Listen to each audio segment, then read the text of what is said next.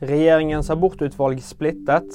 Utvalget vurderer å øke grensen for selvbestemt abort fra 12 til 18 uker, og de skal legge frem forslag til ny abortlov den 14.12.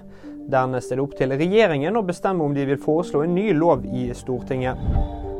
Uvanlig tidlig sibirkulde i Sør-Norge. Aller kaldest var det i Innlandet, der Drevsjø hadde minus 29 grader tirsdag. Midt i landet har det vært omkring 20 grader kaldere enn normalt.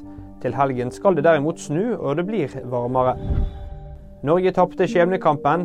De norske kvinnene må ut i kvalifisering etter å ha tapt 1-2 mot Østerrike.